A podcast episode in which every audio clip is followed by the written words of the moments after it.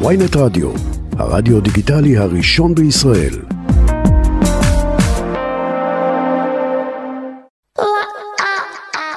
עכשיו בוואי רדיו, מחוץ לפריים עם רן בוקר.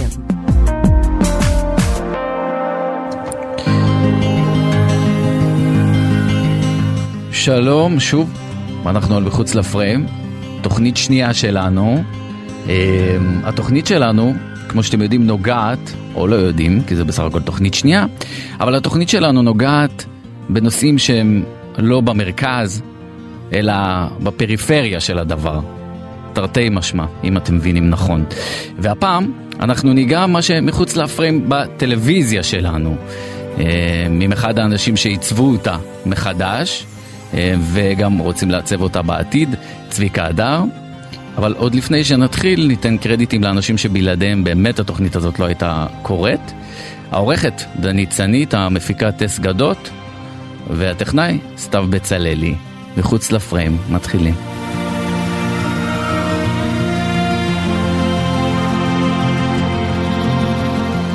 צביקה הדר. שלום על בוקר. מה שלומך? אני רוצה להגיד לך בוקר טוב אבל בשעות שלי זה כבר לילה אתה יודע. תן ברכה תן ברכה על כן, לגמרי. קודם כל אני מאוד אוהב את הצבעים פה. אה, אתה יודע זה אדום לבן מחזיק לי בית אני רואה אותך פה אני רגוע אני אומר אנחנו בבית אז א' ברכות תודה אה, רבה נראה מאוד יפה. וגם אחלה נושא אני מאוד אוהב את ה... את הרעיון מחוץ לפריים. אני יודע שבתור... אה, אנחנו מכירים הרבה הרבה שנים נכון. אה, ותמיד המקום הזה של מחוץ לפריים עניין אותך תמיד הרבה נכון. יותר לפעמים מאשר לפני הפריים ואני בטוח שגם אה, אצל אנשים המחוץ לפריים הזה אם מותר לי ככה ללרלר על, על הנושא של, של התוכנית. הוא, הוא, הוא הוא מרכיב הרבה הרבה דברים שהם לא רק, כי אנשים חושבים שהם מחוץ לפריים זה נגיד רק רכילות, או רק מה קורה, ומחוץ לפריים יש כל כך הרבה דברים, זה עולם שהוא עולם שהוא עולם כלכלי, ועולם של אגו, ועולם של מה אתה רוצה להשיג, ושל מטרות, ושל תקציב, יש כל כך הרבה דברים שקשורים לעד שקורה משהו ב, נכון. ב, בטלוויזיה, זה מדליק, אני מאוד אוהב ברכות ובהצלחה. תודה רבה, קח אותי מחוץ לפריים לרגע אחד שלך, צביקה, שהקהל בבית לא יודע אותו. אה, וככה הוא טבוע בך כי הוא היה גדול והיית צריך אה, להתמודד עם זה רגע לפני שידור חי. אני, אתה יודע מה אני, אני יש כל כך הרבה רגעים שכאילו אני עכשיו רגע, אתה מכיר כזה הולך כזה סרטונים של אה, מלא סרטים. אני אני אני בן אדם של אני חושב אני מעיד על עצמי אני בן אדם של אנשים. זאת אומרת אה, תמיד האנשים שאיתי אה, לאורך כל הדרך היו אנשים שהלכו איתי דרכים באמת הרבה הרבה שנים. אה, היה, וזה תמיד מעמיד אותי בפרופורציות. זאת אומרת ענייני בריאות, ענייני, ואנשים לא יודעים. Mm-hmm. זה מתחיל מקלישאות של אומנים, שאתה יודע, יכול לעבור עליך יום נוראי בבית. או יכול להיות לך משהו שאתה לא מרגיש איתו טוב. כשאתה עולה על הפריים, כשאתה עולה למסך, בטח בטלוויזיה, זה פסיכי. אז תחשוב שהיה את ה... אני מכניס אתכם לסצנה מטורפת, תחשוב גמר כוכב נולד, טבריה, בכנרת. אני חושב שזה היה שנה שעשינו את זה עם סלקום, אני חושב השנה הכי עמוסה, היו שם עשרות, תקשיב זה היה מטורף, חום אימים, שידור חי מורכב, ו... והשידור מתחיל, זאת אומרת השידור חי באוויר, אני כבר מדלג על כל החזרות והכנות והחומה ומגדל וסיפורים של גם, אפרופו, אני מכניס לך לתוך הסיפור. יום לפני זה ביום אומר אתה צריך להזיז את הבמה. אתם יודעים מה זה במה של של uh, כוכב נולד? זה זה 100 טון במה זה מפלצת. להזיז למה בא לך איזה פקח של קו המים ואומר לך לפי התוכנית זה היה צריך להיות מטר ימינה. בא בן אדם עם אופנוע אומר לו מה מטר ימינה? זה עבר את כל האישורים ולא אין חזרות. סוגר לך את הבמה אתה צריך להזיז. אתה יודע כל מיני סיפורים כאלה שאתה אומר מה? לא יכול להיות. מגיעים מגיעים לאירוע ואז תוך כדי זה בדרך כלל בנאבה אצלי באוזניה נאבה זה אה, קיצור של כל מי שלא מבין מה זה זה האוזניה שתקועות הרבה פעמים למנחים באוזניה בדרך כלל זה הקשר שלנו עם הקונטרול בקונטרול יושב הבמאי אה, העורך של התוכנית אה, יואב צפיר במקרה הזה ובכל שנות כוכב נולד. ו, ו, ובבקראונד יש גם את הבמאי מצלמות ואת הבמאי של האירוע כולו אוקראיניץ. ו... אמיר אוקראיניץ. כן אמיר כן. אוקראיניץ שהוא באמת אחד החזקים במקצוענים ו, ומתחיל שידור בסדר. מתחיל שידור. שידור חי, ערוץ שידור 2. חי, ערוץ 2, כל המדינה, בית משוגעים, ובאוזן זה כמו, אני לא יודע איך להסביר לאנשים, זה כמו טייס שיש לו מגדל שלם באוזן, תנחת ימינה, תלחץ בו, לך יותר מהר, קח שמאלה, תעבור לזה, תן לו פרסומות, אתה שומע ואסור את שיראו את זה המצלמות. עליך. לא רואים את זה עליך, זה חלק מהניסיון שלך כמנחה, בטח בלייב, גם נוצרת שפה, אתה, אנחנו יודעים איך לדבר אחד עם השני. אני למשל מאלה שכן אוהבים, שאני אוהב לדעת הכל, אני בן אדם של שליטה, אני אוהב לדעת מה קורה. To make a long story short, תוך כדי שידור חי, עזוב את זה שיש תקלה בפרומפטרים ופתאום אתה לא רואה את הפרומפטר ממול והפרומפטר נמצא על מגדל, אבל אתה יודע כבר מה קורה, אתה מאלתר, אתה... פתאום אני שומע קרחנה באוזן, שקט מדאיג, אתה פתאום שומע שהניתוב מצלמות הפסיק איכשהו, אתה שומע את יואב פתאום לא כתמול שלשון, וואו וואו וואו, מה זה, עכשיו, בדרך כלל מנתקים אותך, אז מנתקים אותך והכל תוך כדי שידור, אה, שלום רב, הצביעו 2020, צדי צרפתי, זה, אתה יודע, כל, ה, כל הרגיל, אתה לא מבין מה קורה, ובזווית של העין, תוך כדי שידור חי, שכל הבמה וכל הזה, אתה רואה את העובדי במה שלך שאחראים, וכל העוזרי הפקה, ו, ואורלי המפיקה המיתולוגית שלנו, וענבל המפיקה, כולם רצים בטירוף, אתה לא מבין מה קורה, ואז מסתבר שכאילו בדיעבד אתה פתאום רואה גם באיזה הפסקת פרסומת אתה רואה פתאום אמבולנס נכנס ואז אתה מבין שאיתן אה, ש, שאוקראיני צבר התקף מאוד תוך כדי שידור של של קרון בכלל שלא ידענו שיש לו והוא לא ידע שיש לו וואו. התקף אבל ברמה של לא הבינו מאיפה זה בא אתה יושב בשידור חי אף אחד לא מרגיש כלום. כלום, שום דבר, השידור עובר, אנשים לא מבינים, אין פרומטר, אין מצלמות, אין במאי. תחשוב כאילו מגדל פיקוח שלם מדבר יידיש, ואתה ויואב, ו- עכשיו, זה דברים שבדיעבד, זה הסיפורים שעושים את זה אומר, כיפית. אתה אומר, אבל אתה, אתה אומר, אין פרומפטר, אתה אומר את זה כאהלן אהלן. נגיד שהפרומפטר זה הדבר הזה שהמנחים מקריאים פרומטר, ממנו. פרומטר, אתה יושב, קודם כל הפרומטר הוא ה... זה לא רק אה, עוזר לך ל... אה, זאת אומרת, אנשים חושבים שזה במקום לזכור בעל פה, שזה נכון. אבל זה לא, זה לא הסיפור. הטקסטים שאתה אומר בפרומטר, אתה יושב בדרך כלל, אתה מתזמן. התוכנית בנויה על יציאות לפרסומות, על כמה זמן כל ברייק, על מה עובר פחות או יותר, אם אתה מעריך או לא מעריך, הדיבור עם השופט, כל דבר הוא נורא מתוכנן. החל מ... אה, תחשוב שתמונת במה מטורפת, וי.ג'יי מטורפים, אתה רואה את הדברים האלה, מתי הפנס נכנס, מתי הזיקוק יוצא, מתי הסאונד של המיקרופון צריך פתאום איזה אפקט, כל הדברים האלה הם כולם מתוזמרים. המצלמה שלוקחת אותי זה הרחף, יש מלא מצלמות, זה, זה אירועים מאוד גדולים. ואתה באמצע וכל הגמר הדברים הזה- האלה קשורים, כשאתה יושב לך הפרומטר אתה רואה גם את הטקסט, גם את למי אתה פונה, גם מי הולך, גם מי עונה לך. הרבה פעמים אתה מתרגל פחות או יותר את הדבר, בטח עם השופטים שהם פרי סטייל אבל הם מוגבלים גם בזמן שלהם. קיצר זה שידור מאוד מורכב. אבל, אבל מה שהתחלתי להגיד זה שאתה אומר כאילו באהלן אהלן נפל לי הפרומפטר ואני צריך לראות יותר מרחוק אתה יודע שהרבה מאוד אנשי טלוויזיה לא היו עומדים בזה בטח בלייב באירוע מול עשרות אלפי אנשים. כן, יש כל מיני שיטות. קודם כל, אני חושב שלא נותנים לכל אחד להגיע לרמה של שידורים חיים כאלה מורכבים. אתה צריך לתרגל את זה, לא קורה ביום. אה, אני חושב ששילמתי על זה אפילו מחיר מסוים, כי אני התחלתי בתור שחקן ואיש סטנדאפ. ועם השנים נהייתי איש טלוויזיה, זאת אומרת אם היום אתה שואל את האנשים מה הפרסונה הציבורית שלו, איך אני מוכר ביותר, אפילו אני מרגיש את זה בסטנדאפ שאני עושה, אני עושה כל הזמן סטנדאפ, עכשיו אני יוצא מופע חדש וזה, אומרים. לי מה אתה עושה סטנדאפ, עכשיו אני שנים עושה סטנדאפ, אני, אבל בתפיסה של האנשים, אני כבר איש טלוויזיה, אני איש טלוויזיה שכאילו עושה גם סטנדאפ, בניגוד נגיד לקטורזה שתמיד יהיה סטנדאפ. סטנדאפיסט שעושה גם טלוויזיה, זאת אומרת התפיסה שלי בתור איש טלוויזיה אולי בגלל המעורבות בפורמטים, אולי בגלל שזה לא, יש משהו גם באופי שלי, גם בגישה שלי, שתמיד הפקתי גם את הדברים שאני עושה, אף פעם זה לא היה נגיד התוכנית כוכב נולד בהנחייתו של צביקה הדר, זה היה התוכנית של צביקה, זה כאילו היה, הייתי בתוך הדבר, אני חושב כל דבר שעשיתי, החל מקומדי סטור שמש, נכון. כוכב, כאילו אתה בתוך הדבר, אני מזוהה עם ה... והיום אתה מרגיש שהמחיר הזה הוא כבד מדי שאתה הולך לאפיקים הוא לא חדשים? כבד, הוא אחר, הוא, מה זה הוא כבד? הוא, הוא, הוא, הוא קניתי אותו בעמל רב, זה לא, זאת אומרת, ביושר רב קניתי את המעמד הזה. אבל אתה מבין את זה, כי כשאתה אומר לי, אנשים אחרים לא היו, זה המקצוע שלי, מנחה זה מקצוע. אני חושב שדווקא ב, בעידן הרשתות וכולי וכולי, הרבה פעמים אנשים אה, לא מבינים שמנחה זה לא רק לקרוא קטעי קישור.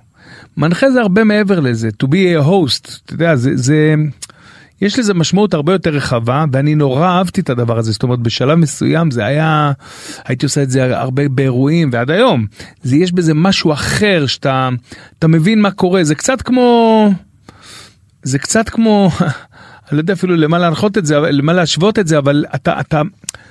הליינאפ קיים אבל אתה אתה מבין מה קורה אתה יודע איפה לנתב אתה יודע איפה להכניס אתה יודע איך להביא את עצמך את השפה שאתה מדבר וההנחיה עברה אתה יש היום מנחים בטלוויזיה מדהימים אבל אין הרבה בעיניי יש בודדים שהם יודעים לעשות את העבודה. יש בודדים בכלל.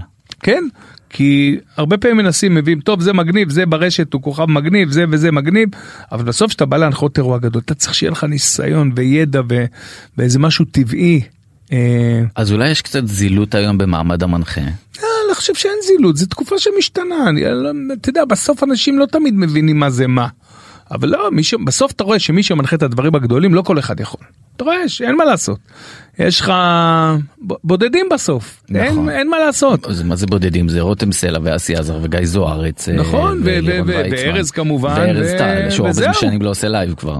כן אבל לא משנה עשה עסוק בדבר אבל זה, זה קשה מאוד למצוא מישהו שנכנס לנישה הזאת באיזה טבעיות או באיזה וזה לוקח זמן וזה גם תשמע היה לי גם את הבית ספר הכי טוב תחשוב תוכנית כמו של המתמודדים היה כל שבוע להשמיע שיר נכון היה לי תוכנית שכל שבוע במשך שנים יכולתי לעשות את זה. צביקה אמר לי אני רוצה לשאול אותך שאלה אחת שהיא רק שאלה אחת אנחנו אמרנו אתה שואל מלא שאלות לא, היא קצת קשה אה, לא עליך אלא באופן כללי אמר לי בכיר בטלוויזיה. שטלוויזיה זה כמו הסם הכי ממכר וקשה שהוא מכיר. כי כשאתה בתוך זה, אתה צורך את זה בלי הפסקה. אתה מדבר על הקהל או על העובדים לא, במקצוע? על העבודה, על, על העבודה שלך במקצוע. כמנחה או שחקן או בעיקר מנחים. וכשאין את זה, אז זה גמילה מאוד מאוד קשה. אתה מסכים עם המשפט הזה? לא, אני מודה שלא. יש בזה משהו נורא נוח בעיקר, כי אתה, אתה מגיע למעמד שאתה בא ומסתכל על הכל, יש לך, זה פוזיציה מאוד נוחה. אני יכול להגיד בכנות גדולה, ש... מהרגע שאתה מפסיק להיות שם בזון, זה, זה מה שבטלוויזיה קורה. אז יש לזה מחיר, כי פתאום אתה פחות נתפס, כי זוכרים את מה, אם לפני, נגיד, היית תופס אותי לפני 6-7 שנים, הייתי מנחה של המדינה, כמו, מהרגע שהפסקתי להנחות, אז אתה פתאום פחות ב... אין, אין אוטומט. האוטומט שצביקה המנחה, הוא כבר פחות... פחות עובד או פחות בזיכרון. להגיד לך שזה ממק... אני לא יודע, אני מודה שאני תמיד, אולי בגלל זה, אני ההתמכרות האמיתית שלי תמיד, וגם ההתרגשות הגדולה שלי תמיד הייתה הסטנדאפ, ההופעות. ומאוד אהבתי, זאת אומרת, טלוויזיה היה החיים שלי, אבל אהבתי פרויקטים שהייתי מעורב בהם על החיים שלי באמת. זאת אומרת, אני, כוכב הבא, היה פרויקט חיים שלי, זה לא היה משהו שהנחיתי, כוכב נולד. וגם הכוכב הבא קיבל את הטוויסט שלו. כי היה חשוב לי המות... אני חושב שאם uh, במידה מסוימת לא היינו עושים את הטוויסט ומשנים את הפורמט זה לא היה מחזיק. חכה שנייה אני רוצה אני רוצה לגעת איתך בכוכב הבא אנחנו נצא שנייה להפסקה קצרה של אה, פרומואים ועניינים לא פרסומות פרומואים אתה יודע זה אה, חשוב. ככה קוראים לזה כן. כן אז אנחנו נצא וחוזרים. פה אין פרסומות רק פרומואים. תחשבו רגע על הילדים שלכם אנחנו אוהבים אותם ללא תנאים. הם לא צריכים להצדיק או לתת איזשהו אה, תימוכין לאהבה שלנו, זה פשוט כך. ואני אומרת, אנחנו גם צריכים לאהוב את עצמנו באותה צורה.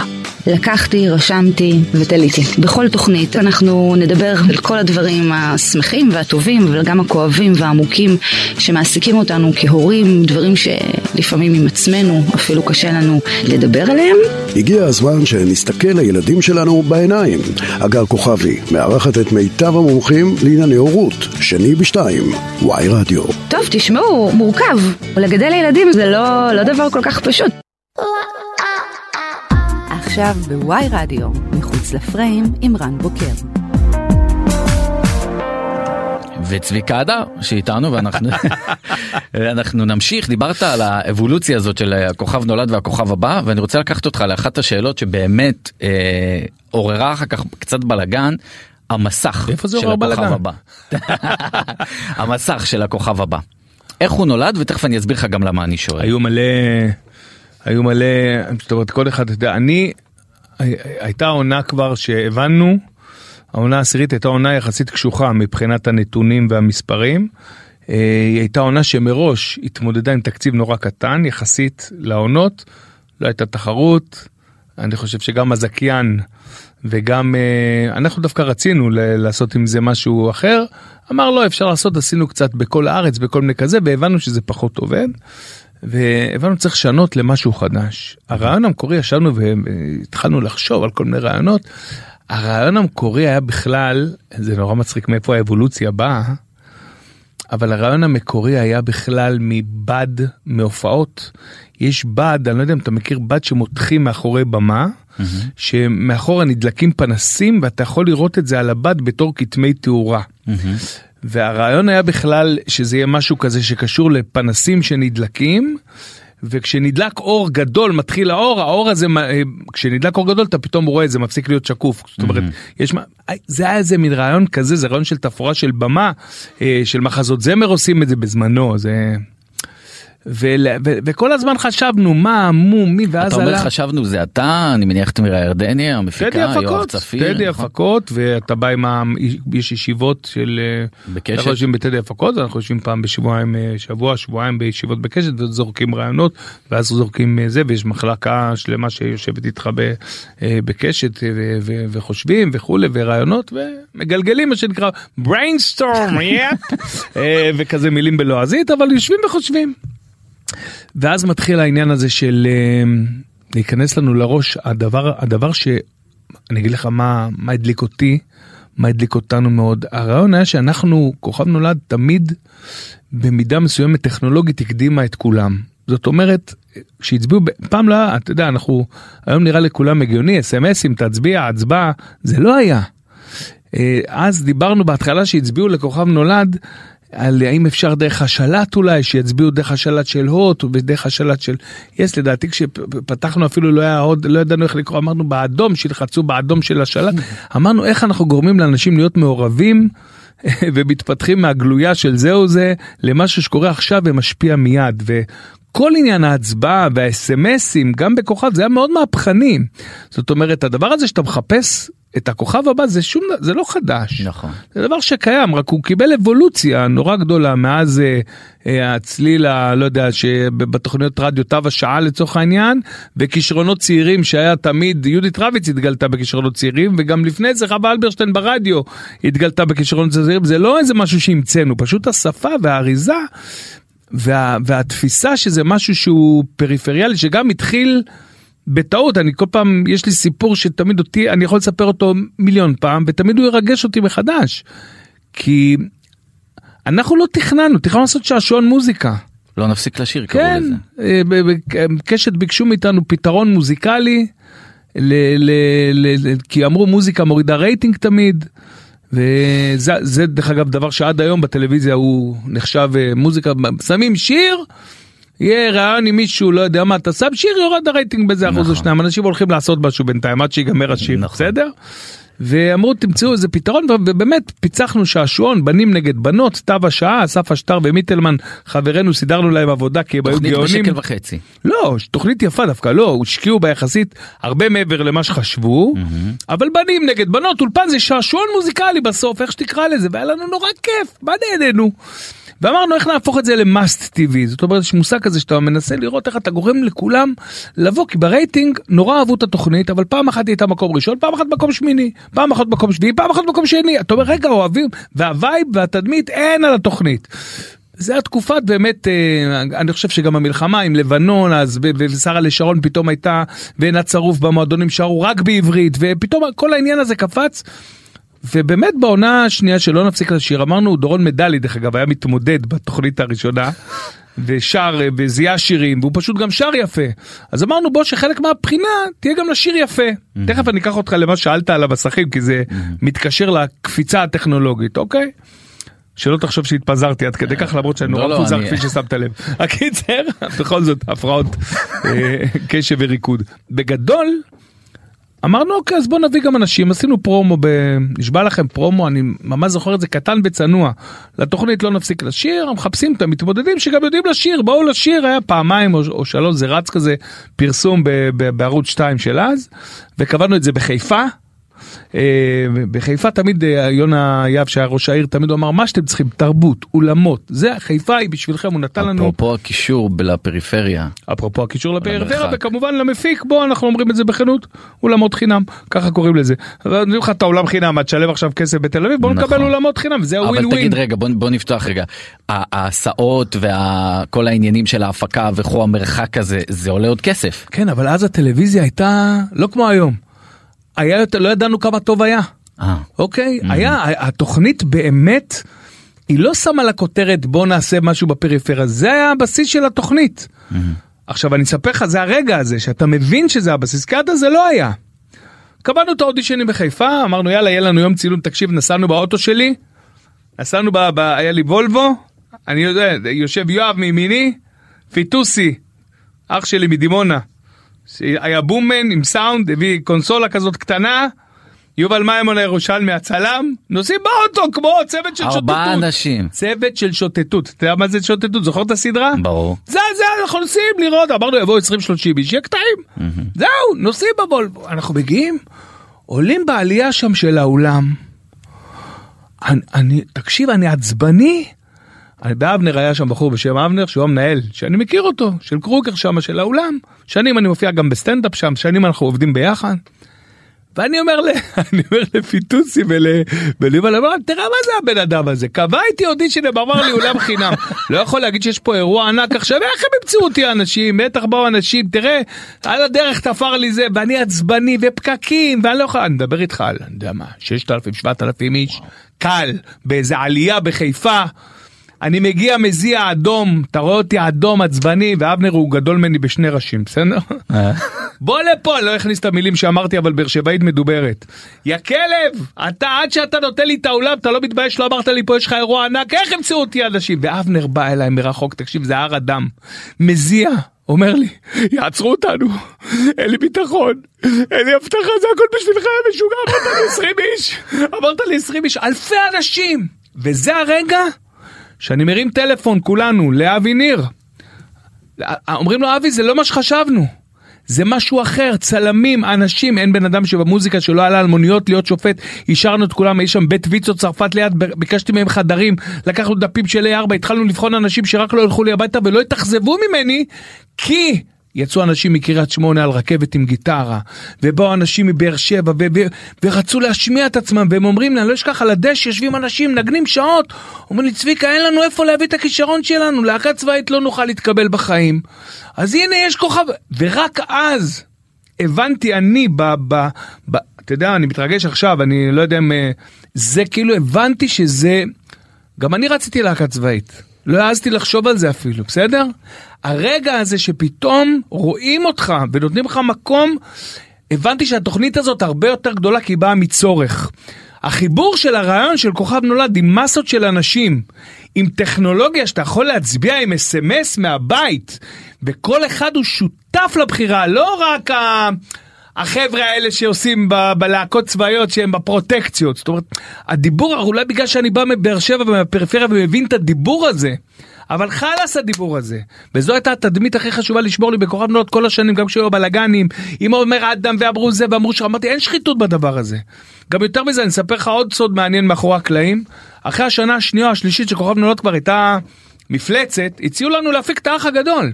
האח הגדול הגיע הקשת לקחו את האח הגדול ביקשו באו לתמירה והייתה ישיבה אני לא, אני לא יכול להגיד לך ש... אני, אני יכול להגיד, אתה מבין מה המשמעות של להפיק את האח הגדול זה הפקה שאפשר להרוויח בה יפה מאוד ולעבוד בה יפה מאוד. וכל כך שמרנו על קדושת המותג הזה שנקרא כוכב נולד אמרנו מה זאת אומרת באים אלינו ילדים בני 16 אמהות שולחות את הילדים שלהם באים אנשים שמאמינים ואני אעשה פרובוקציה אני אסיים מצלמות ואני אגיד אנשים מאחורי עושים זה לא בתדמית היה תמימות. מה זאת אומרת? תסביר לי את עניין האח הגדול רגע, לא הבנתי. אה, טדי הפקות את מירה בזמנו עוד הרבה לפני עשתה את פרויקט Y אם אתה זוכר. נכון. וכולם הבינו שפרויקט כמו האח הגדול הוא מניפולציה קצת זה לא ריאליטי דוקומנטרי. יש אבל שם... זה לא על חשבון הכוכב הבא. לא על חשבון אבל זה ה name- בנוסף? הד- בנוסף ברור. אנחנו היינו חברה שעושים את הדברים הכי גדולים בארץ היה לנו מוניטין מטורף ידענו מה אנחנו עושים אבל הקדושה של הדבר הזה כי בשביל זה שאנשים כל פעם אומרים לי מה זה מותג.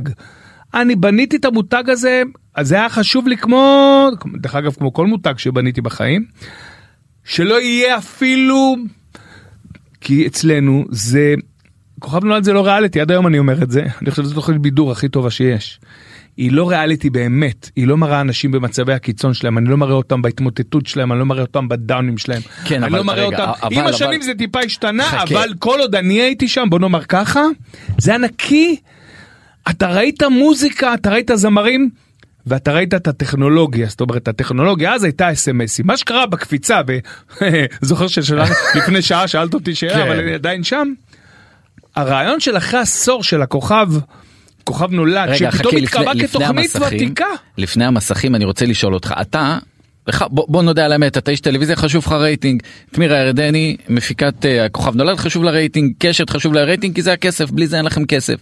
קרה מקרה שאתה רואה את צביקה מבאר שבע, מקריית גת, מקריית שמונה, עומד על הבמה, ואתה יודע שעושים בו שימוש לצורך הרייטינג, ובא לך כצביקה הבן אדם להגיד לו, רד מהבמה, אחי.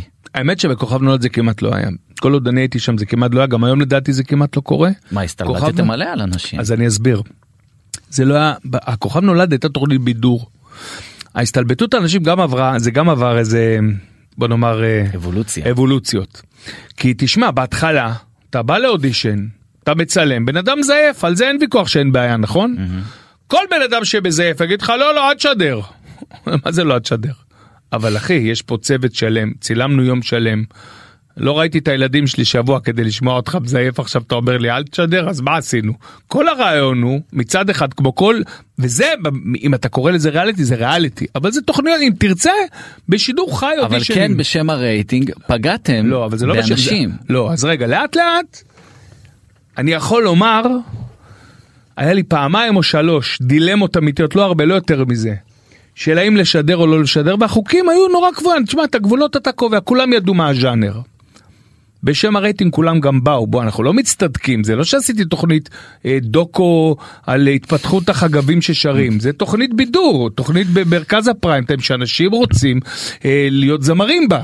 זאת אומרת, דווקא כאן המקום הוא נורא מובהק ואין מניפולציות עריכתיות, זאת אומרת, לא היה מצב שנגיד הכנסתי בן אדם לחדר, לימדתי אותו שיר לשיר בזיוף, לא צילמתי את זה, ואז הכנסתי אותו, אוקיי. ועשיתי לו מניפולציה. לא.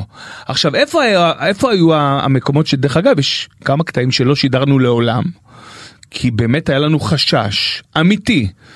שהבן אדם הוא לא בקו ה... או שם איזה בן אדם שיכול להשפיע משהו אחרת וכולי וכולי עם השנים דרך אגב זה עבר עוד יותר ובאמת נכנסנו אה, הכל קרה בכוכב נולד כל מה שעושים היום בטלוויזיה פסיכולוגיה ואנשים ומעבירים כל זה לא היה זה טלוויזיה שהתהוותה ונולדה והתפתחה. כמובן למען הרייטינג אנחנו לא עושים טלוויזיה למען ה... זה לא טלוויזיה ציבורית דרך אגב בשביל זה סוף סוף יש ערוץ אחד שהוא חשוב מאוד כאן 11 אמור להיות ערוץ ציבורי שעושה דברים ציבוריים בטלוויזיה הוא, ערוץ מזרחי ולכן כשאתה אומר תשמע בא בן אדם רוצה מאוד להתפרסם הוא לא מודע לעצמו. הוא שר במקלחת והוא בטוח שהוא בריטני ספירס ועכשיו הוא שר את זה פה. זה חלק מהשפה זה חלק מהמשחק רוב הזמן. אני חושב זה, זה אתה יודע זה מתכתב עם סטנדאפיסט שמעליב את הקהל או לא מעליב את הקהל זה אומר לשם הבדיחה. גם שם תמיד נזהרתי אתה יודע לפעמים אתה חוטא ב. בוא זה לא יש לפעמים שאתה אומר אולי לא אולי כן. אני מודה שהרגשתי שלם כמעט עם כל הקטעים היה לי בעיות. תראה אתה רואה עשרות אודישנים ביום היה איזה פעם או פעמיים שהתפרץ. יש לי עד היום קטעים שמראים לי לפעמים של בכי מצחוק שאתה אומר לא יכול להיות זה נובע גם מזה שאתה רואה 7,000 אודישנים ביום. דרך אגב מוסר העבודה של השופטים שהיו איתי איתי לכל הדרך זה אנשים לא מבינים את זה. מרגול צדי מיתולוגים צביקה פיק ש- שהיו גל אוחובסקי המיתולוגים ש... תשמע היינו רואים היינו רצים באמת בכל הארץ עם משאית שלמדתי עליה נהיגה גם לקחתי אותה איתי הייתי חולגת וגם אה, עשית רציתי. שיעור נהיגה במיוחד בשביל משאית? הוצאתי רישיון משאית של לנהוג על המשאית של כוכב נולד. היה, היה לי כיף לא רציתי נהג וכל אחד ייסע סתם. היינו נוסעים מצלמים היה כיף. היה דבר שהיה שם משהו שהוא מעבר לטלוויזיה וזה רציתי להראות. עכשיו כשהיו קטעי צחוקים נורא גדולים זה חלק מהדבר הזה שאתה יושב ימים שלמים ובא אני יודע מה אני זוכר את חורשת האקליפטוס שהיא שרה וזה אבל תשמע אה, האחריות היא דווקא לא על כאלה שהם האחריות היא נגיד על אצלי דרך אגב אם עושים את המעבר שביקשו ממני להיות שופט אחרי עשור שם היה לי מאוד קשה כי תמיד היה לי היה לי אני לא יודע איך לקחת אחריות על מישהו שאומרים לו שהוא להגיד לו לא. אולי הוא כן, אתה יודע כמה הצליחו? נכון. אתה יודע שאתה שומע את הבחורה, זה סתם, אפרופו, אתה יכול להתחיל בבדיחה, חורשת האקליפטוס נגיד, והיא תשאיר מה, שאם היא תעבור יעשה חורשת האקליפטוס, והוא הזמר הכי גדול שאני, אתה לא יודע באמת, אתה יכול, אני כאילו קשה לקחת אחריות, למרות שאני 80-90 אחוז יודע שאם יש משהו שאין לו שמיעה מוזיקלית, לא יכול להיות, אתה, אבל עדיין המקום הזה של להגיד לבן אדם לא, מתוך... לכבות לו את החלום הוא קשה לי ומצד שני הרבה אנשים חיים ב La La Land כי הם בטוחים הש... היום הורים ל- דרך אגב אם כבר מותר לי להיות כן איתך ולספר לך מאחורי הקלעים הבעיה הכי גדולה זה בית ספר למוזיקה הרבה יותר מכוכב נולד. אז חכה, לפני שנגיע לבית ספר למוזיקה, בוא נעשה כבוד לאחת שהגיעה ממש מהפריפריה, והפכה להיות אחת מהכוכבות הכי גדולות במדינה גם היום, והכוכבת הכי גדולה אז. נינה, השיר, נינה. אין, בוא ניתן לה.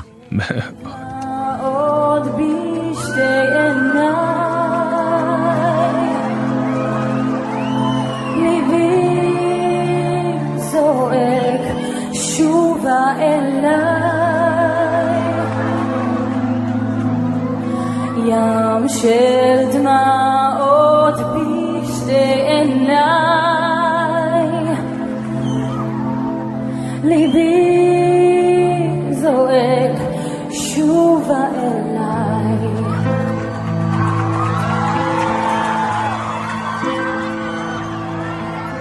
ארוכים הלילות מיום שעזבת האביב כמו הסתיו כל כך אפור.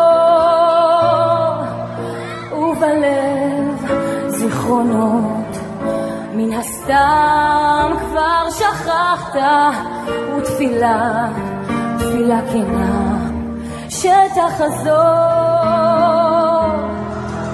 מה שומר הוא חדרי מיום שעזבת השעון שעל הקיר ליבו נדם. ובודד בפינה הכיסא שאהבת בלעדיך העולם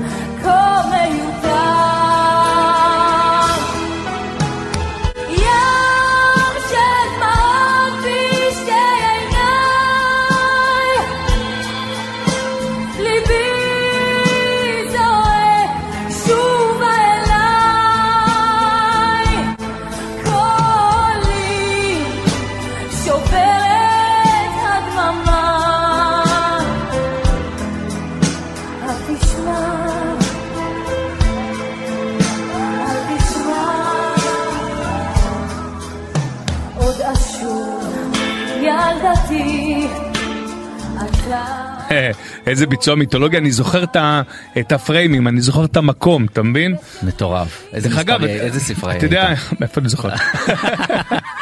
הספרה הייתה שתכף התעלפנו. אתה רוצה מאחורי הקלעים רק על ניצנים אתה יושב איתי שש שעות. מה שיפה, דיברנו על המסכים, אני חייב לסגור את המסכים, זה יושב לי בראש, כן. כי בהפרעת קשב שלי שאלת אותי על מסכים ועניתי לך על... הטכנולוגיה הביאה אותנו לקפוץ אחרי עשור, הבנו שחייבים לעשות דור הבא, כמו בכל אייפון, כמו בכל טלפון, כמו בכל סמסונג, הדור הבא, אוקיי? והדור הבא הוא לא זה. זאת אומרת הוא חייב להיות מלא, אנחנו דור של הפרעות קשב וריכוז, אנשים צורכים את הטלוויזיה שלהם אחרת לגמרי, בטח ברשת, בטח במה שקורה, ואם פעם אסמסים היו הדבר, היום זה הטלפונים. ותחשוב, נינט עכשיו שרה, כל העונה, מהעונה הראשונה עד, עד אני חושב עונה תשע או שמונה, הוצאנו דיסקים, הביצועים של אנשים מלאים. ששרו בטלוויזיה, היה לנו קונסולה אמיתית ועם סאונד והשקענו בזה את ה... שיישמע מדהים, לא רק שיראה מדהים, כי זה יוצא ל-CD. שיר מלא. שיר מלא, היום אתה, אתה מבין לאן הגיעה הטלוויזיה שהיא חייבת לעניין את הצופה כל רגע. הוא מתחיל, הוא הולך למקום של השיר, המסך יורד, בשלוש, שתיים, חוזר לשופטים, ואז הוא אומר לו, "אה, תראה איזה וזה, בוא נעבוד רגע על רותם, רותם אומר על זה, ההוא חוזר לזה, פתאום הוא מתחיל לשיר, הוא מתחיל לשיר, הוא מתחיל לשיר, פתאום חותכים לזמה, לשופטים, וואו, וואו, וואו, אתה שומע, אתה לא, אין לך, אין לך פסקול של השיר לבד, אין את זה יותר. אתה מקבל ברגע אחד, אם פעם היה לך שלוש דקות שיר, שתיים וחצי דקות שיר, ואחרי זה שופטים מדברים. היום יש לך על, על שלוש דקות שיר, שופטים מדברים, קאטים, צחוקים, קהל מוחא כפיים, אנשים מצביעים, כתום, ירוק, ירוק, אדום, אדום, מסכים, מסכים, מה הוא לובש, נוצות, נוצות, מה זה השמלה הזאת, איפה אתה, תשים מאחורה. אתה מבין מה קורה בפריים? ואתה מבין שהטלוויזיה קפצה דור. ולכן אם אתה שואל אותי, זה נכון שאנחנו מחפשים את הכוכב הבא, אבל הטלוויזיה שמביאה את הכוכב הבא, היא טלוויזיה שבעצם מראה לך כיסא מסתובב, מסך מתרומם, נורה נדלקת, כיסא עף, כיסא מפלט, כיסא... אתה, אתה מחפש את הדבר, אז אמרו על הדרך. אבל הגירוי הטלוויזיוני, גם בתוכנית שירה רגילה, פה זה The Four, פה זה The Five, פה זה מתחיל מהסוף, פה השופט בוחר. תבין, מחפשים כל הזמן פורמט, כשבעצם סתם בן אדם שרק שר, זה, זה נראה מיושן. ולכן הטלוויזיה... הדבר הזה שנקרא הכוכב הבא ולהביא את אסי בתור אמירה עם מנחה חדש, עם, עם כובע חדש, עם שפה חדשה, עם מסך מתרומם, זה הדור החדש. אז דור חדש, אני עושה פה שינוי בנושאים שדנית העורכת לא תכעס עליי בליינאפ, זה מיזם חדש שלך. בסדר, כן. תכננתי לדבר על זה בהמשך, אבל זה מיזם חדש שלך, שבעצם מתרגל או, או, עלו, או מרגיל צריכה חדשה של תכנים. תשמע, בוא נפתח את זה. גם עכשיו כל מה שקורה כאן, בסדר? אתה מדמיין את עצמך לפני כמה שנים את ידיעות אחרונות. עושה רדיו, טלוויזיה, מסכים. לא, היו יושבים פה אנשים עם אה, אוזניות בטלפון, ועוד רוצה להיות מנוי, אחי, בוא תהיה מנוי. בסדר? זה, ככה זה עבד. דרך אגב, עד היום זה מרגש בן אדם בשבת לפתוח נכון. עיתון, אבל רוב הצורך שלנו, אני פותח עכשיו תוך כדי זה שאני זה מדבר איתך. אפליקציה, בוא נסביר, זה אפליקציה. אני רגע, אני, אני מסביר. כן. ואז אתה מבין שאופן הצריכה של הטלוויזיה משתנה. נכון.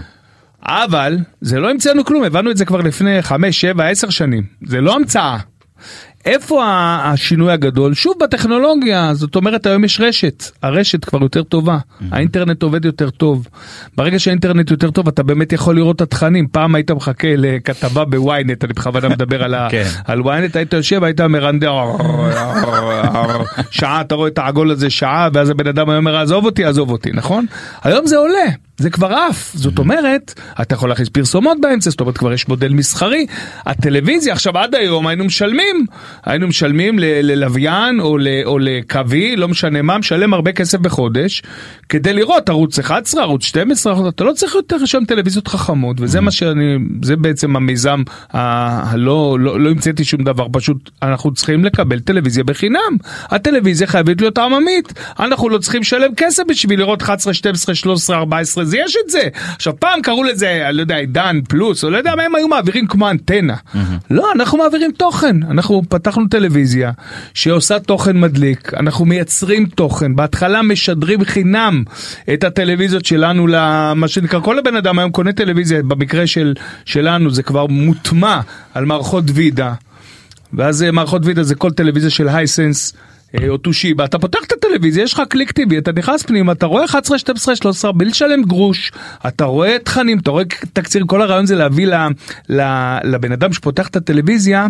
משהו שיעניין אותו אז יש לנו הרבה שעות של פודקאסטים ותכנים אז יש תכנים. נוספים מלבד הערוצים האלה. הרעיון הוא לגדול עם זה ולהגיע למצב שיש גם תוכן, יש, הרעיון כרגע הוא לתת למשל תקצירים, זאת אומרת אתה רוצה לפתוח קליק טבעי, אני נותן לך תקציב של כל הספורט שהיה היום, כל הבידור שהיה היום, כל הזה, מרכז לך את הכל ומביא לך מלא מלא תכנים שמסודרים לפי נושאים, חוץ מזה 11, 12, 13, 14 שלך. הרעיון הוא די לשלם על טלוויזיה, ההפך, התוכן צריך להיות חינם, מבוסס פרסומות, לפי קליקים אנשים יראו את התוכן שלך ויצרכו אותו. אז זה נפלא, ודרך אגב, הרעיון הוא לפתוח את זה ליוצרים, אנשים ישימו אצלנו כפלטפורמה את הדברים שלהם, זה מודל שאני כיוצר מתרגש, כי אני סתם הבאתי מלא יוצרים, שאתה יודע, יכולים לשים את הדברים שלהם, אה, איפה, ביוטיוב, אני לא יודע איפה, יכולים לשים את זה אצלנו. וזה זה שוק שגדל, כבר היום הוא זמין ל-150 אלף טלוויזיות, עד סוף, הש- עד סוף שנה הבאה אני מאמין שיהיה 300-400 אלף טלוויזיות איך בארץ. אתה רואה צביקה יחד עם המוצר הזה את הטלוויזיה העתידית כי ברור שאנחנו לא נשאר לחכות לראות את האח הגדול שמתחיל בשעה תשע. א', תראה, באירועים גדולים, אתה יודע, כמו באירועי ספורט גדולים, נכון. שאתה תרצה לדעת בזמן אמת מה קורה, אני חושב שעדיין הטלוויזיה תעשה עבודה. אבל כבר היום, אתה רואה, גם היום, גם היום האח הגדול שהוא נגיד היסטריה ואנשים חולים על זה, אז הוא נתמך על ערוץ 26 והוא נתמך על הרשת ועל כל מי ש... ואנשים לאט לאט מחפשים את התוכן שלהם שמה. אה, הוא- אתה- אז זה יהיה רב ערוצי לגמרי, הטלוויזיה תלך ותהיה VOD, מה שנקרא, אתה תראה סדרות. ספריית תכנים. ספרייה, תשמע, בסוף, וזה מה שכולם עושים, לשם, זה לא איזה המצאה, העולם בארצות הברית זה חוגג, כבר יש את זה, יש רוקו, יש זה, יש מלא מודלים. אה, בארץ זה עוד יחסית חדש ובטח בעוד הרבה מקומות בעולם אה, זה מתפתח וזה בעיניי רק בגלל טיב הסיבים. בסוף זה מה שקובע כי כל עוד יש לך סיב שיכול לאפשר לך תקשורת אינטרנטית אמיתית טובה אין שום סיבה. סיב זה הכי- זה האינטרנט שיהיה מספיק חזק. כן, מה אתה צריך לצלחת עם אנטנה עם טכנאי הוא בא לך ברגים קודח בבית זה אתה חושב- חושב יבוא שאנחנו- הטכנאי לא יבוא הטכנאי גמר לו אתה רואה את זה בטלפון זה יהיה גם פה גם בטלפון גם בזה גם אנחנו עם של הפרעת קשב לא העולם כולו הולך להפרעות קשב אני חושב שיראו את זה במקביל אתה תוכל אה, לראות בטלוויזיה שלך הגדולה בבית אתה תוכל לראות את זה בטלפון שלך כנראה שעד אז ימציאו חיישן על התחת שגם תראה את זה בתחת אתה יודע אתה לא יודע לאן העולם ילך נכון אחד הדברים הכי מדהימים רן אתה יודע שחשבנו ודיברנו על זה פעם אני לא יודע אם איתך זה שאתה רואה את כל סרטי העתיד. זה מה שיפה נורא. כל סרטי העתיד, מכוניות עפות המציאו, רחפנים המציאו, מטוסים שעוברים את זה, זה אף אחד לא צפה את הדבר הזה שקוראים לו טלפון ואת המהפכה התקשורתית המטורפת, לא בחזרה לעתיד, לא סרטי חלל, על הכל יש מאדים, חייזרים, תקשיב, זה דבר. שעשה בחמש שבע שנים שינה זה אתה מחזיק את הפלאפון. את הפ... אני מחזיק את ה... אנחנו- אני, כן. אני לוקח אני פתאום נזכר שאנחנו גם צולמים אז אני נכון. מראה דברים למצלמה אבל, אבל אתה יודע אגב הוא- מי חזה? אתה יודע תשמע, מי זה חזה? אתה יודע מי חזה? עכשיו תצחק עליי. היה פרק בשמש. כן מה זאת אומרת ברור אבל שאשכרה חזיתם את הסלפי את מה שקורה עם האינסטגרם שאנשים הולכים ומדברים ומדברים אבל אבל לא הבינו עד כמה זה ישפיע תחשוב. כל שוק, כל עולם התוכן, כל איך שאתה מעביר תוכן, ואתה יודע מה, זה שיחות שאני יכול לקחת אותך... אתה רואה, אתה איך, היום איך יכול אתה לנבא? מגדיר כוכב? אתה יודע, אם פעם, אפרופו כוכב נולד, דיברנו על כוכב נולד, בסדר? היום יש דור שלם של זמרים וכוכבים ואנשים שכף רגלם לא דרכה בטלוויזיה. נכון. ההפך, הטלוויזיה עוד אומרת להם בואו אלינו, אומרים להם אנחנו לא צריכים אותך, אנחנו ברשת. קח את, אני יודע מה, אפילו נונו כזה, אתה יודע. בסדר? איפה אתה? אתה פה? לא, אני ברשת, אני לא פה, אוקיי? אני בכלל תוצר שלם, ופעם אנשים היו בזים לזה. היו אומרים, מה זה? מה זה הדברים האלה? מה הם עושים? טיק טוק קובע לך את הפלייליסט. אין יותר, אה, סליחה שאני אומר, המצעד שלא יודע, המצעד של אחלה. בילבורד ביל אחלה, הטיק טוק קובע את סדר היום המוזיקלי. אתה, את, אי אפשר להתעלם מהעולם, עולם אבל התוכן, אבל סדרות של גם- אבל שלוש זה גם קצת דקות פתאום. מסוכן צביקה כי זה הכל אבל בלי פילטרים. הכל בסדר, אבל זה העולם. ואז עכשיו הציבור ישפוט, אתה רוצה פילטר או אתה רוצה אמת? מה זאת אומרת, שנים היה בפוטושופ, היה מסוכן? עוד פעם, אנשים עשו זה, אחרי כמה שנים עשו מרד הפוטושופ. היו תוכניות ארוחות, אז היו תוכניות חי, אז רצו, העולם, עוד פעם, מה שאני מנסה להגיד שהטכנולוגיה, ומה שנקרא on demand, הטכנולוגיה on demand בעיקר, היא זאת שקובעת בסוף אה, לאן הולך הדבר הזה, ובסוף גם שוק התוכן מושפע, תחשוב על שוק הפרסום. פעם שוק הפרסום היה שוק פרסום רק לטלוויזיה. היום אתה רואה שתדמית נקבעת בטלוויזיה, הארדסייל, אתה הולך ובוא בוא עכשיו נצלם אותי ואותך עם המיקרופון הזה ונגיד מיקרופונים של שמעון, the best, לא יודע מה, זה עושה לו יותר עבודה מאשר אם אני אשים את זה, למה? כי אני יש לי לא יודע מה 30 אלף ולך יש 700 אלף ו- ופתאום אתה, אתה ערוץ. במילה אתה רואה אתה ש- ערוץ. אתה רואה תרחיש שאנחנו לא נצטרך לשלם על- על צריכת טלוויזיה יותר? אני, אני, אני מאמין שכן, אלא אם כן תרצה, המסלולי תשלום יהיו אה, מה שנקרא עוקף פרסומות. אבל שוק הפרסום קובע. עכשיו עוד פעם, יהיה מינויים. אתה תצטרך, נגיד אם אתה, כמו ספרייה שאתה רוצה, כמו בריכה שאתה רוצה, כמו מכון כושר, תרצה לראות. אני גם לא מאמין בסוף. היום אנחנו עושים לנטפליקס, בסדר? אני לא מאמין שיהיה יותר לנטפליקס. אתה תרצה לראות סתם עכשיו את הסדרה החדשה, לא יודע מה, בית הקלפים, אתה תעשה לנטפליקס חודש, תראה אחרי חודש בית הקלפים, אין לך מה לראות, תעיף נטפליקס, תכניס רוקו, לא תרצה רוקו, תכניס דיסני. זה יהיה הערוצים שלך, אתה תראה את זה לפי תוכן. ולכן, התוכן הוא המלך. בסוף, זה מה שיקבע, מי, מי שיביא את התוכן ויביא, ו- ובעיקר ינגיש אותו, ינגיש אותו בצורה מעניינת, אמ, אמ, שמביאה, אתה יודע, בסוף התוכן הוא לא רק, לא רק מה שכתוב, אלא גם איך אתה מנגיש אותו. נכון, התוכן הוא המלך. אנחנו יוצאים לעוד הפסקה קצרה ואז נדבר על הנושא שהכי יקר ללב שנינו.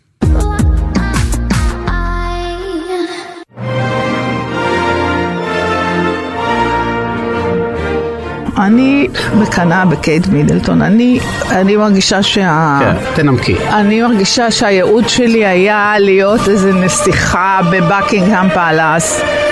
עשיתי שם פעם סיור ומצאתי חדר גם שאני מאוד אוהבת והייתי כן. מאוד שמחה לגור שם. פגשתי באופן אישי ודיברתי גם עם הנסיך צ'ארלס. בוודאי. זה היה יום לפני שהוא התחתן עם קמילה. איזה- איזה ואז תקופה, איזה אני. ידעתי שאני אראה אותו, הלכתי לרב כדורי, הבאתי קמע, נתתי לו את הקמע, אמרתי לו תשים את זה בכיס, תראה שכולם יתחילו לאהוב את קמילה. תראה וכו- ישועות. אמרתי לו, אני כל כך שמחה בשבילך שאימא שלך מסכימה שתתחתן עם קמילה סוף סוף. וואו. ואז עבר שם אה, משה קצב, שאז נשיא. בטח. אז קראתי לו, משה, משה, בוא תכיר את צ'ארלס. ג'ודי שלום ניר מוזס ורענן שקד, חמישי בחמש, וואי רדיו. אחרי זה סטיב כמעט הרביץ לי.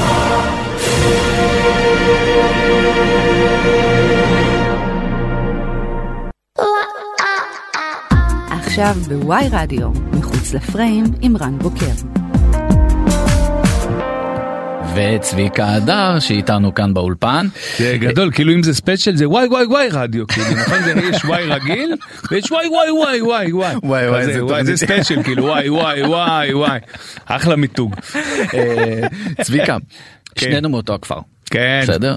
כבר לא נולדתי בבאר אל שבע. תגיד כפר, בוא. אתה יליד באר שבע, זה הכותרת שדנית נתנה לי פה, אתה מבין? עורכת- איזה כפר? באר שבע. אתה אומר עכשיו לרוביק אנחנו באותו הכפר, הוא אומר לך זה לא כפר, זה מטרופולין." זה בירת הנגב מטרופולין מטורף של הייטק. אנחנו מתחילים, זה- הוא צודק. תגיד, כן. אני רוצה לשאול אותך את השאלה שאני לפחות את התשובה שלי יודע. עד כמה היית צריך לעבוד קשה יותר בגלל שאתה מהפריפריה למרות שבשלב מסוים עברת נכון למרכז כן, אני חושב שאני אני אפתיע אותך במשהו. אני עד היום מרגיש שאני צריך להוכיח יותר. כמה שנים שאני, זה, אני חושב שאולי זה טבוע בנו, יש בי איזה דבר, אני אף פעם לא מרגיש חלק מהקליקה עד הסוף. גם היום שאני מסתובב במסדרונות רשת, שאני מאוד אוהב את האנשים שם, וגם אה, במסדרונות זו תחושה פנימית, שהייתי 19 שאתה- שנה, שאתה לא בתור, אתה לא, אתה לא בחבר'ה, אתה לא, זה לא מ... יש משהו ב... אני חושב בדבר הזה שאתה בא מהפריפריה, בטח אני כשהלכתי ללמוד משחק, אני נורא פחדתי על החיים שלי. כי הייתי תלמיד טוב, תקשיב, זה שאני בכלל, זה מוטציה שהלכתי ללמוד משחק, הייתי מיועד להיות רופא. הייתי נוער שוחר מדע, היה לי ציונים מעולים. אחר כך ההורים שלי אמרו, אוקיי, הלך לצבא, היה קצין, אז הוא יהיה בקבע. אמ- אמרתי, אבל אני רוצה להופיע, פתאום האהבה הזאת לבמה. ותמיד הרגשתי, תמיד כשהגעתי לכיתת משחק, שכולם ידעו מחזות, אמנם ראיתי קצת בימי, בתרבות יום א' של הבית ספר את uh, תיאטרון באר שבע, והייתי עם פנחס אופק המיתולוגי המורה שעשה פופרות רוק, אז, אז השתתפתי, אבל לא קראתי מחזות, לא, לא יודע, הרגשתי תמיד שאני צריך להראות ולהוכיח. למה? אני חושב שזה בגלל שיש לנו תחושה, אני, אני, יש לי חבר שאני מאוד אוהב, שהוא הגיע לטופ של הטופ, גדלנו ביחד, היינו חברי ילדות, ועד היום אנחנו באמת בקשר, אה, הוא היה מפקד חיל הים האחרון, אלי שרביט. גדלנו ביחד בשכונה בבאר שבע, ו' הישנה ד', ואבא שלו היה... היה לו משפט, אבא שלו היה איש אה, מרשים, אבא שלי היה, אתה יודע, היינו הרומני והמרוקאי, אתה יודע, חברים אה, מהילדות. ואבא שלי עבד במשרד השיכון, אבא שלו עבד, אה, אני חושב, בבנק, היה... ותמיד, ואלי היה תלמיד מצטיין, היינו, תלמיד, היינו ילדים טובים ציונים מעולים, ותמיד הוא אמר לו, אל תעופו על עצמכם, הוא אמר לאלי תמיד, אל תעוף על עצמך, 100 בבאר שבע זה רק 70 בתל אביב. וואו. זה משפט כזה ש... שתופס אותך, ומצד שני הייתה את האופטימיות שלה, זה משהו שתופס אותך כי תמיד, לפחות כמו אז, הייתה לך תחושה שזה לא...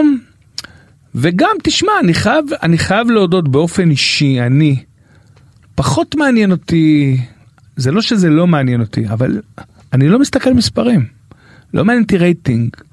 לא, אני מעניין אותי להתרגש, אני כאילו מביא איזה משהו, אני לא יודע, אולי לקרוא לזה, יש בי משהו רומנטי במובן הזה של אני, אם, זה, אם התוכנית טובה לי והיא מרגשת אותי ויש תוכן טוב, לא אכפת לי מה, מה יהיה הרייטינג, כי אני, אני, אני חתום על המוצר. הרבה אנשים, בכלל, כל הטלוויזיה וכל התקשורת, הרבה פעמים הולכת, בוא נביא עוד לייקים, בוא נביא עוד רייטינג, בוא נביא עוד זה שזה, אני לא אומר שזה רע, גם אני, אני מדבר את השפה הזאת, אבל יש איזה גבול, אני לא יודע, אני לא, אני כאילו, אני מאמין שאם התוכן טוב לאורך זמן, או זה משהו שנגיד אותי מצחיק, אז אולי זה יצחיק עוד אנשים, זה יעבוד, יבואו המספרים אחר כך. אבל תגיד איך אתה וכאילו מסביר את זה המקום, ש... ה- המקום הזה של, הרבה פעמים, אתה יודע, ב- אני מרגיש שה...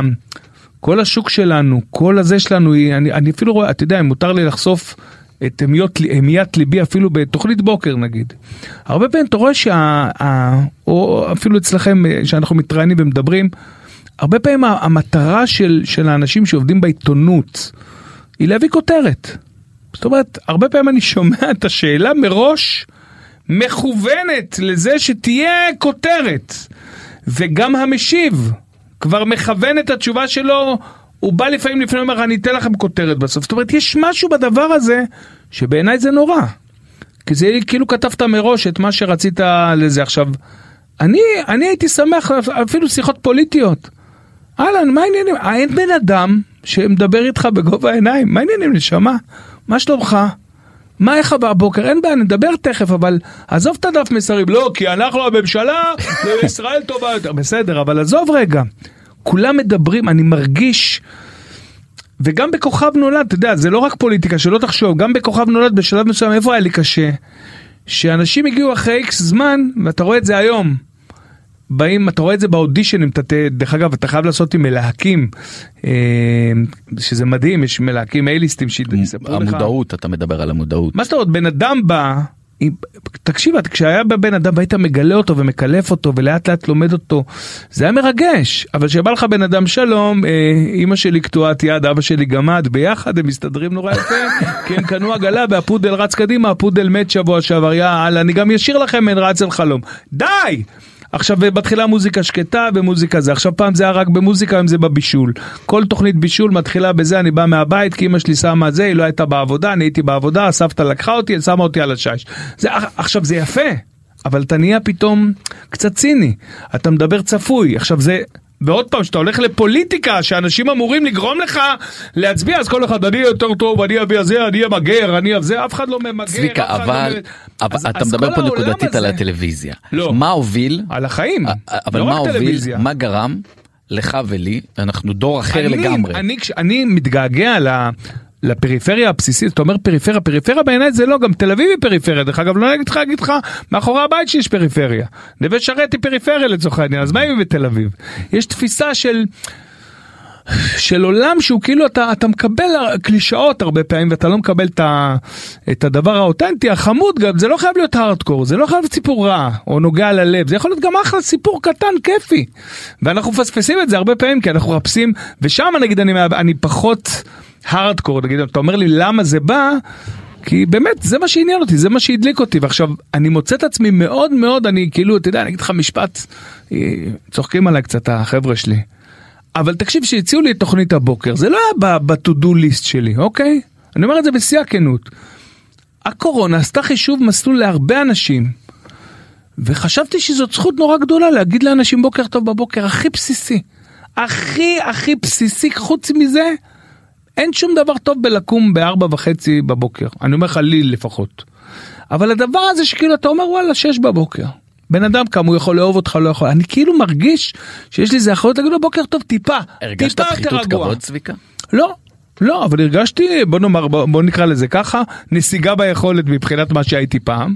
כן, הפכתי להיות שחקן ספסל, ואתה אומר, אוקיי, איפה אני מביא את עצמי? תשמע, אני גם בן אדם נורא ריאלי, אני בן 57 עוד שנייה, בסדר? כמה אנשים שאתה בשוק הבידור בגיל 57 עובדים בטלוויזיה? זאת אומרת, עובדה, אני חושב שלצבי יש בעיה הייתה אחת הסדרות הכי טובות שעשיתי בחיים, אם לא ה. אבל זה נחשב upscale, והטלוויזיה היום אין לה כסף לעשות upscale, אנשים תופסים איזה סדרה יותר חכמה, היא לא... היא לא מיינסטרים רגיל, למרות שאני בעיניי זה המיינסטרים, שמע, אבל... מהספסל אה, איתי שכטר אה, כמעט כן. העלה את באר שבע. בול, אני אין לי. בעיה, לא, אבל אין לי בעיה, אני לא מרגיש שם על הספסל. אני מרגיש שאני צריך להביא את הסיבוב שלי, ועכשיו עוד פעם, הסיבוב שלי הוא כן לבוא לתוכנית בוקר, וכן לשאול שאלות, מהמקום שלי, ולהביא את האזור הנעים יותר, הרגוע יותר, הראייה טיפה אופטימית, כי יש פה כל כך הרבה דברים טובים. תשמע, מספיק שהכנסתי לדבר הטוב ואת הפרחים, שזה דבר קטן לתוכנית בוקר, בעיניי זו שליחות. ולהביא איזה משהו שאני מביא, אז אין בעיה, אז העיתונאים והזה ימשיכו את שלהם, אבל אני אביא את הזווית הקטנה שלי, ואני אמשיך את הסטנדאפ, ואני אעשה הצגות, ויש מיזם טלוויזיוני. צביקה, שאלה שהתשובה אני- שלה, אני מוצא את ה... התשובה שלה היא כן או לא, כי אנחנו תכף ניפרד כן עם לא. הפתעה בשבילך. כן. אה, זה לא הפתעה, כן. זה- אה, אתה, אם אתה היום מנהל, אתה היום אה, עושה אודישן לבן אדם, אתה תיתן לו עדיפות בגלל שהוא בא מהפריפריה? שניהם באותה רמה, אחד מגוש דן, אחד מהפריפריה, אתה תיתן לו אני עדיפות. יכול לומר ככה, יש הרבה אנשים שקיבלו אצלי העדפה כי הם אה, מהדרום, אפילו אמיתי, אבל זה לא בגלל שהם מהדרום רק. יש משהו ב... אני לא יודע, אולי בש- בשפת דיבור, במבט בעיניים. אני לא יכול להגיד לך שזה כאילו שאלה שלא קורית באמת, אבל תמיד שבא מישהו שאומר לי שהוא מבאר שבע, או מהדרום, או מהפריפריה, יש לי, אני מגונן עליו יותר, אני נותן לו טיפה יותר צ'אנס, לא ברע. אני, אני, ודרך אגב, היום כמעט לא רואים את ההבדל. מי שבא נגיד מבית ספר למשחק, גודמן בבאר שבע, הוא באותה רמה של בית צבי בתל אביב, אם לא יותר טוב, בלי לתת לו העדפה, בסדר? אני לא סתם שאלתי את השאלה הזאת, אני רק אגיד שכשהייתי כתב בזמן הנגב בבאר שבע בגיל 16, כן. התקשרתי אליך וביקשתי ממך אה, רעיון. עכשיו אני תמיד שאפתי גבוה, אז היית, אתה יודע, פריים טיים, כוכב נולד וזה, וכל כך לא האמנתי שתסכים, והסכמת. אז צביקה הדר נראה לי שזה, נראה לי שזה מאפיין הרבה מאוד ממה שאתה וממי שאתה, ואני גם שמח מאוד לסגור איתך מעגל להיות כאן בתוכנית שלנו בוואי רדיו, הדדי אחרי זמן. הנגב. תודה רבה שבאת אלינו, ואני רוצה להגיד תודה לאנשים שעשו את התוכנית הזאת. תודה ל- לכם שהייתם אה, פה מאחורי הדלפק. לעורכת דנית סמית, למפיקה טס גדות ולטכנאי סתיו בצללי. צביקה, השיר שלך, לך תדע שהוא גם הצלצול בטלפון שלך. ו... אה, יפה. יאללה, תודה רבה, צביקה תודה אדם. לכם.